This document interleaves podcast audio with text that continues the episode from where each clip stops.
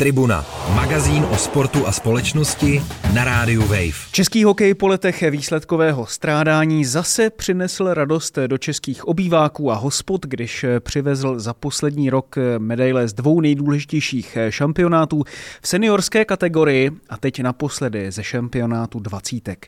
Po bronzu přišlo stříbro, kromě toho, že tady máme ty obyváky o hospody, tak eh, by to ještě chtělo ta náměstí, tudíž zlato, ale třeba se ho dočkáme eh, letos a to, jestli se to stane, eh, to probereme společně s redaktorem deníku Sport Pavlem Rešavým a známým ničitelem propisek. Vítám tě tu, ahoj. Čau, děkuji za pozvání.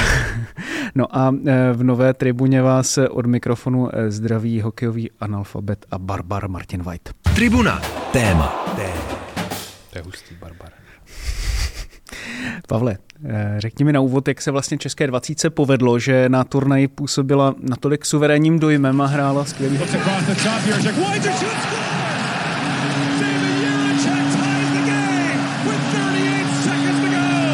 No, zkusím to rychle.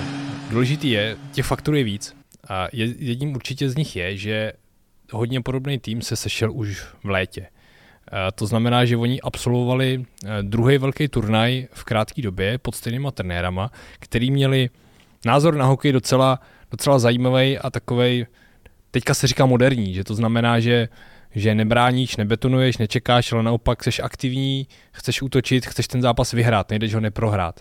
A, a ten tým, ušili týmu nějakou taktiku, ten tým poslouchal, to byla jedna věc. Další věc je, že potřebuješ na tuhle taktiku hráče.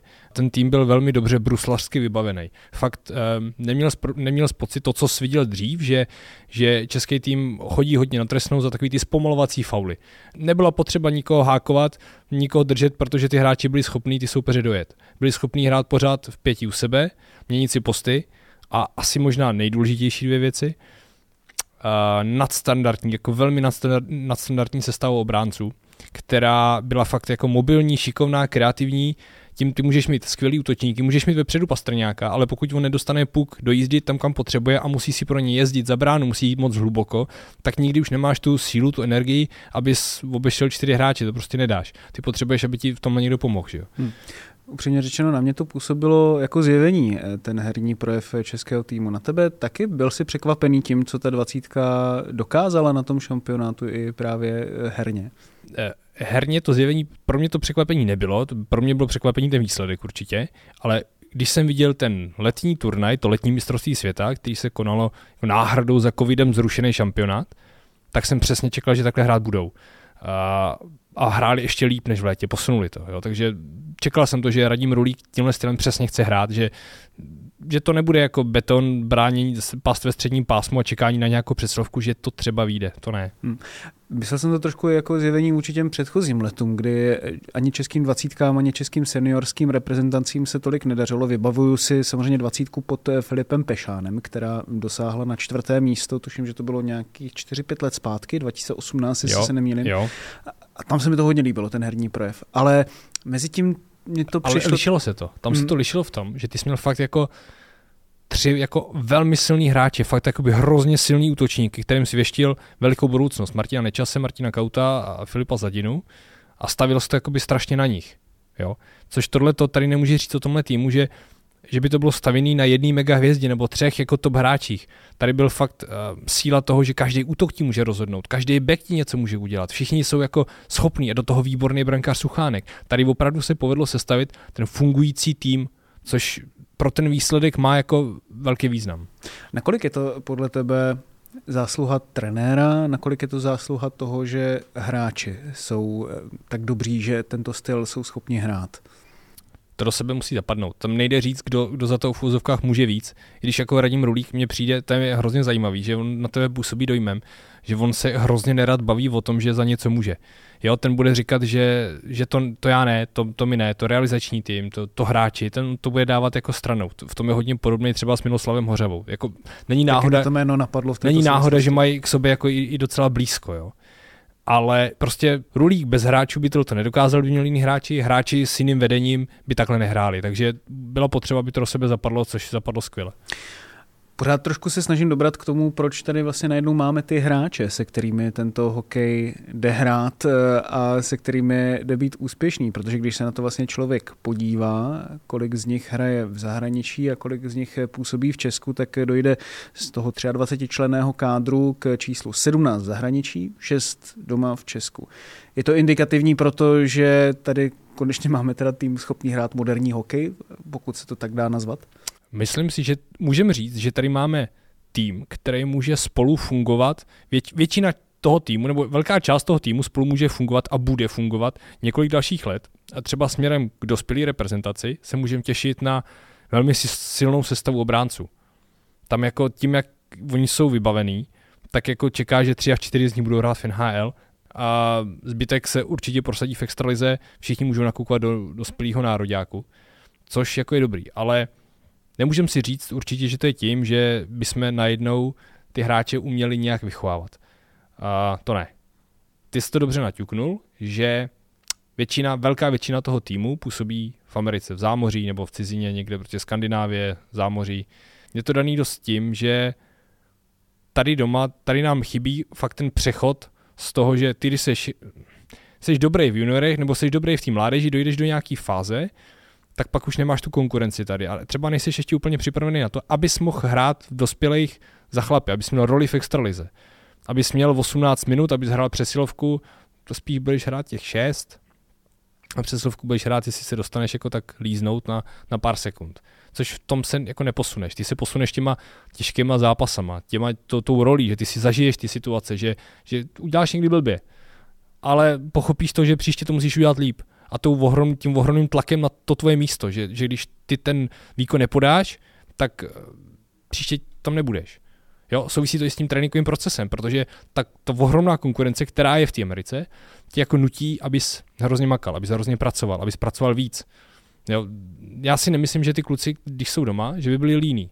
To ne, ale automaticky tě to prostě svádí k tomu, že jako dost věcí poceníš a podvědomě nějakým způsobem jako flákáš trochu. No. Dál je řeč o úspěchu českého hokeje, který zazářil na mistrovství světa eh, hráčů do 20 let, kde Češi vybojovali stříbro pod vedením trenéra Radima Rulíka a jeho velmi talentovaných 23 eh, hráčů, eh, kteří se o tento obrovský úspěch postarali úžasné zápasy se Švýcarskem, se Švédskem, s Kanadou, obrovská síla eh, jednak toho herního projevu, ale také mentálního nastavení. Opravdu nechápu, jak někdo třeba může usnout po té, co se vyrovná na 2-2, ale to už je jiná věc. Myslím, že jen tak neusnou.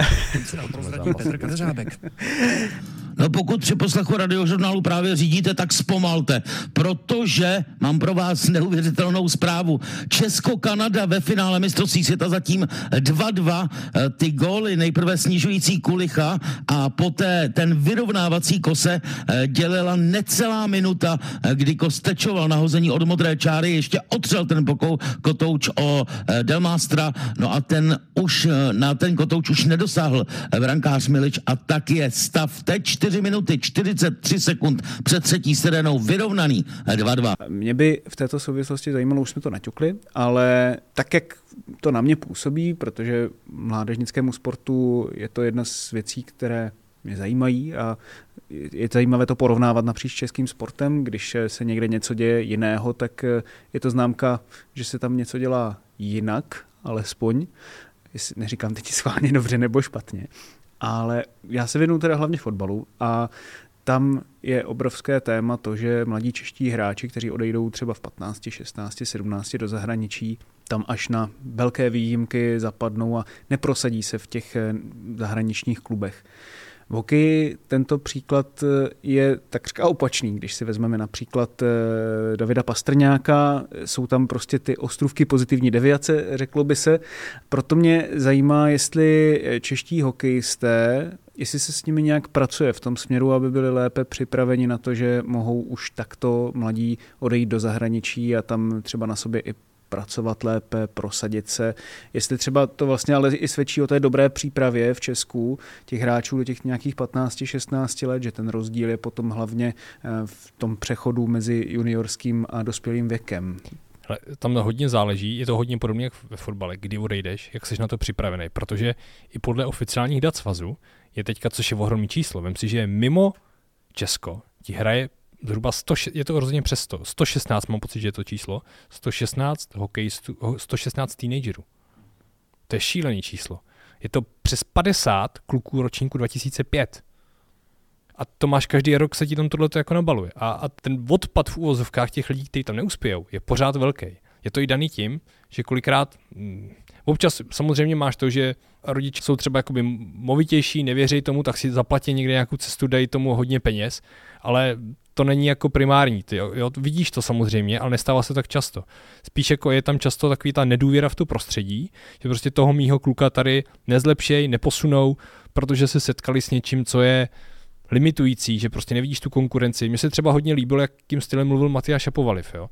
že on, on říkal, ten vyrůstal, že, že z Beruna, uh, nakladně a, a jako ne, že by úplně říkal, ty ostatní to flákají, to ne, ale říkal, jak, jakým stylem tě to hrozně motivuje, když jsi venku v té ohromné konkurenci. Prostě ty máš i, i tu možnost, že máš ty tréninkové centra sám pro sebe. Tady nemůžeš si jít na let, když chceš si dělat nějaký svý dovednosti, nemůžeš jít z oběda a říct si, teďka si jdu na půl hoďky si vezmu let, nebo večír v 10 tam půjdu. No ne, protože buď to tam ten let se prodává, jsou tam hobíci, nebo jsou tam děti, ten let je pořád plný. Tam ty prostě jdeš a můžeš jít na ten let jako sám, kdykoliv. A tohle to, když děláš celý rok, to si vystřelíš o tisíce puků víc, jo, s těma klukama, kteří jsou stejně dobrý jako ty, který tě jako tlačí k tomu. No, to jsou jako takový detaily, takový ty niance.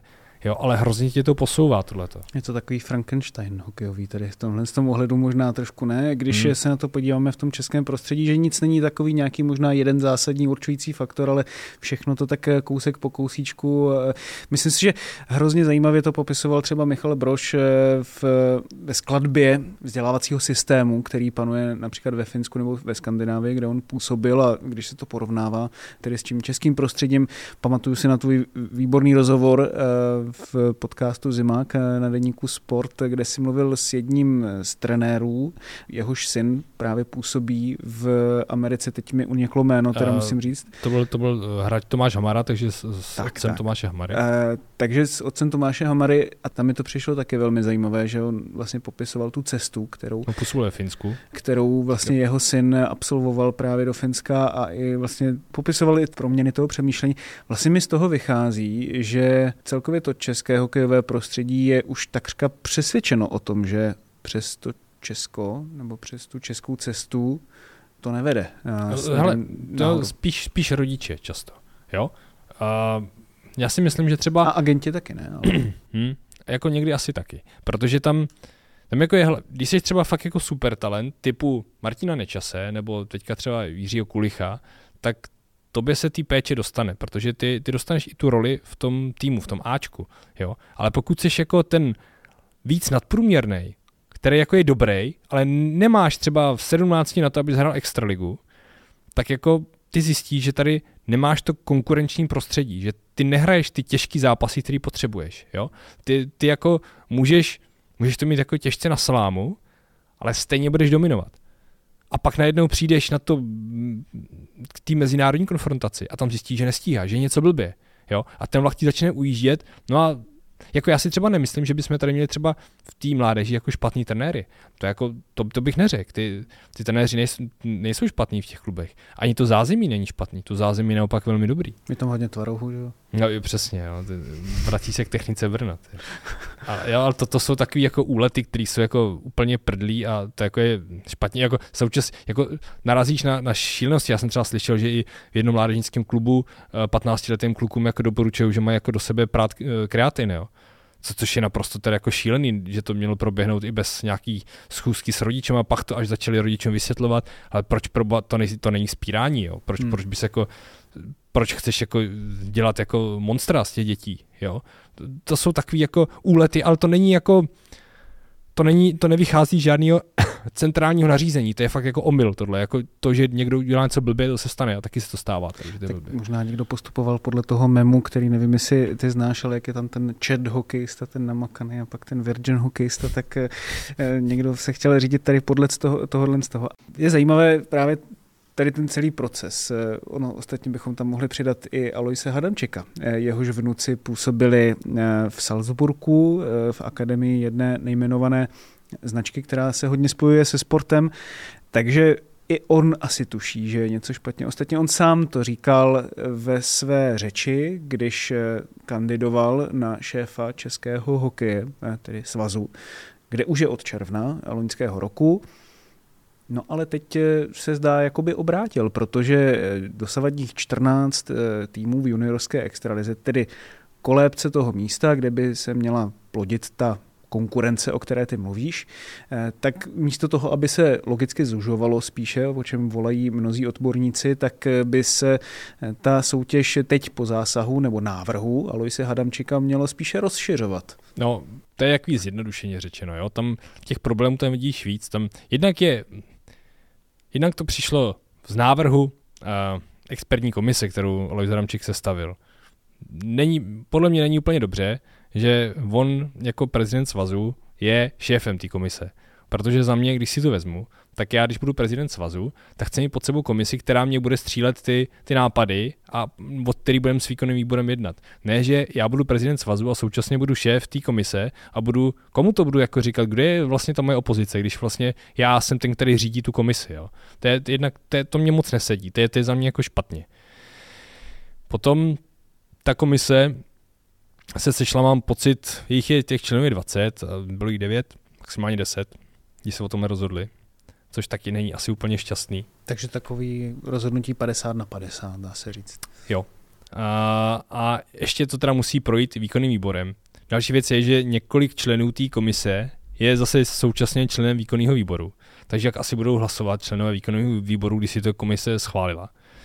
Jo, to jsou takové jako věci, které mi do toho moc jako úplně nepasují. Ale třeba dobrá myšlenka z tohohle zase je, že by se tam měli vrátit do té extraligy juniorů, ty uh, overage, to znamená hráči, kteří budou jako nad několik hráčů nad věkovým limitem, což prostě je, je právě jako dobře, protože my tady máme ten velký problém, že ty, když ti je do 20 let a ty třeba nevyspěl ještě na ten dospělý hokej, tak potřebuješ hrát někde jinde. A ta juniorská soutěž, abyste měl třeba tři takovéhle kluky v každém týmu, je dobře, ona se ti i zvýší právě ta úroveň toho. To není špatně. Ale jakýkoliv ten argument, který jsem slyšel pro rozšíření té soutěže na 16, mě teda přijde jako zvrácený a šílený a, a já si myslím, že oni si to ještě rozmyslejí, že to, tohle nemyslí vážně. A propo, to je zase další věc, že se nástupem Aloise Hrančeka do jeho funkce se řešilo, že ještě nemohl dospět do, toho, do té fáze, kdyby se navolil společně s ním i ten výkonný výbor, řekněme taková hokejová vláda, která schvaluje nebo taky neschvaluje návrhy ze strany svazového šéfa, kterým je tedy v současnosti Alois Hadamček. A nebo ze strany odborných komisí a tak. tak. Přesně tak. Eh, od začátku června roku 2022.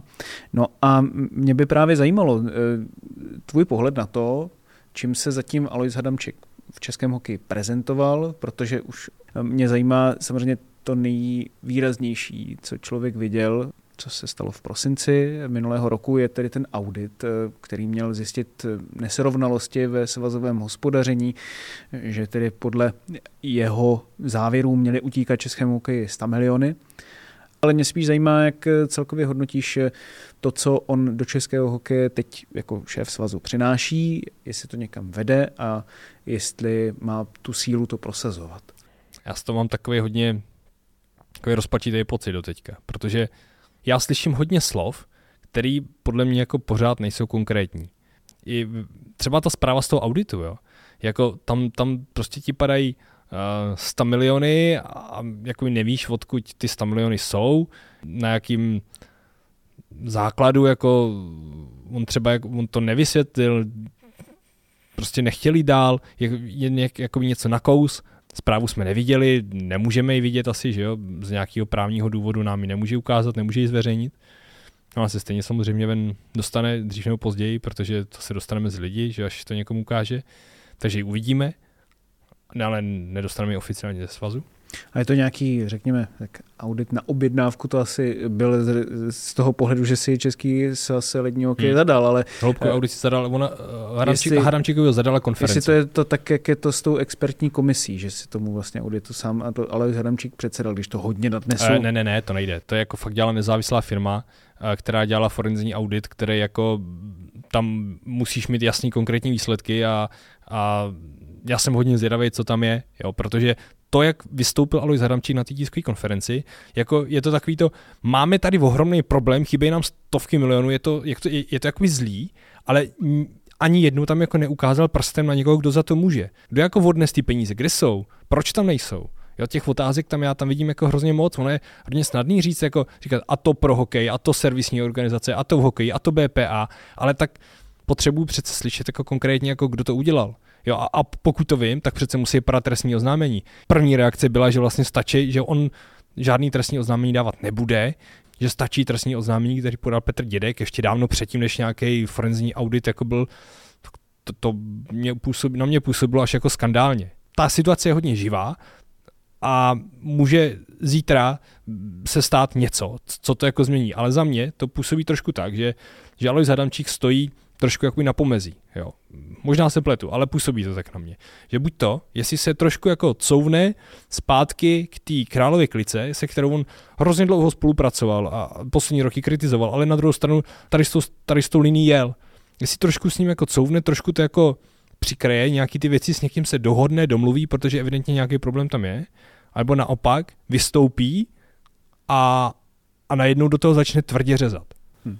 No a když bys měl teda tak nějak trošku v globále a s výhledem na další roky jenom velmi v krátkosti zhodnotit, jestli teď to stříbro dvacítek byl takový výkřik do tmy díky výborné práci hráčů, trenéra a tomu, že se vlastně ten tým takhle mohl sejít eh, pár měsíců od sebe a vlastně se hrát se více, anebo jestli tady budeme mít eh, české hokejisty, kteří byť ne tolik přímo českým přičiněním, ale třeba přičiněním eh, zámořských eh, akademií nebo univerzit eh, nebo podobně, tak vlastně ve Skandinávii budou vzkvétat a budou z nich hráči, kteří opravdu se mohou prosadit v tom světovém hokeji.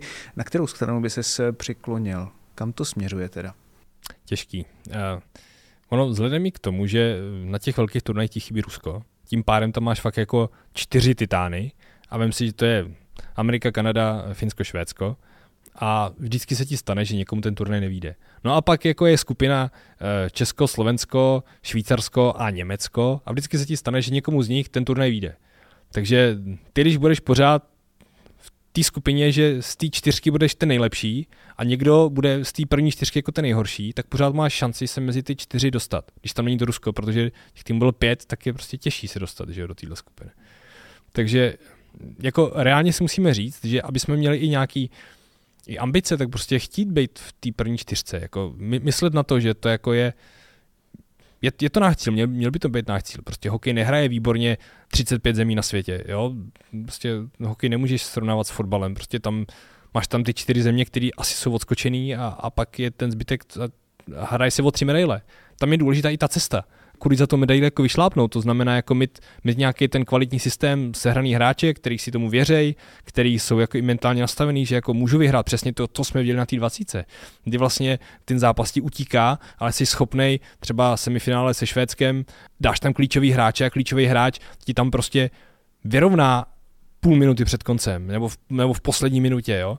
To samý viděl ve finále, jo. Že prostě tohleto, když máš to, to nastavení, to mentální, že jako ty můžeš, tak to taky dělá hodně. Takže já bych si přál, aby to šlo touhle cestou, aby jsme si věřili, aby jsme měli to prezidentský jeslo, my můžeme. Říká sebevědomě do dalších let redaktor deníku sportu, nakonec dnešní tribuny Pavel Ršavý. Já ti, Pavle, moc krát děkuji, že jsi udělal čas na tribunu a měj se krásně. Já děkuji za pozvání. Eh, od mikrofonu se loučí taky Martin Weitz, eSport.cz. Vy nás můžete, posluchači Tribuny, dál najít na wave.cz lomeno Tribuna a ve všech podcastových aplikacích, eh, které odebíráte. Mějte se krásně. Tribuna, magazín o sportu a společnosti na rádiu Wave. Přihlas se k odběru podcastu na wave.cz lomeno podcasty a poslouchej Tribunu kdykoliv a kdekoliv. I na Tribuně.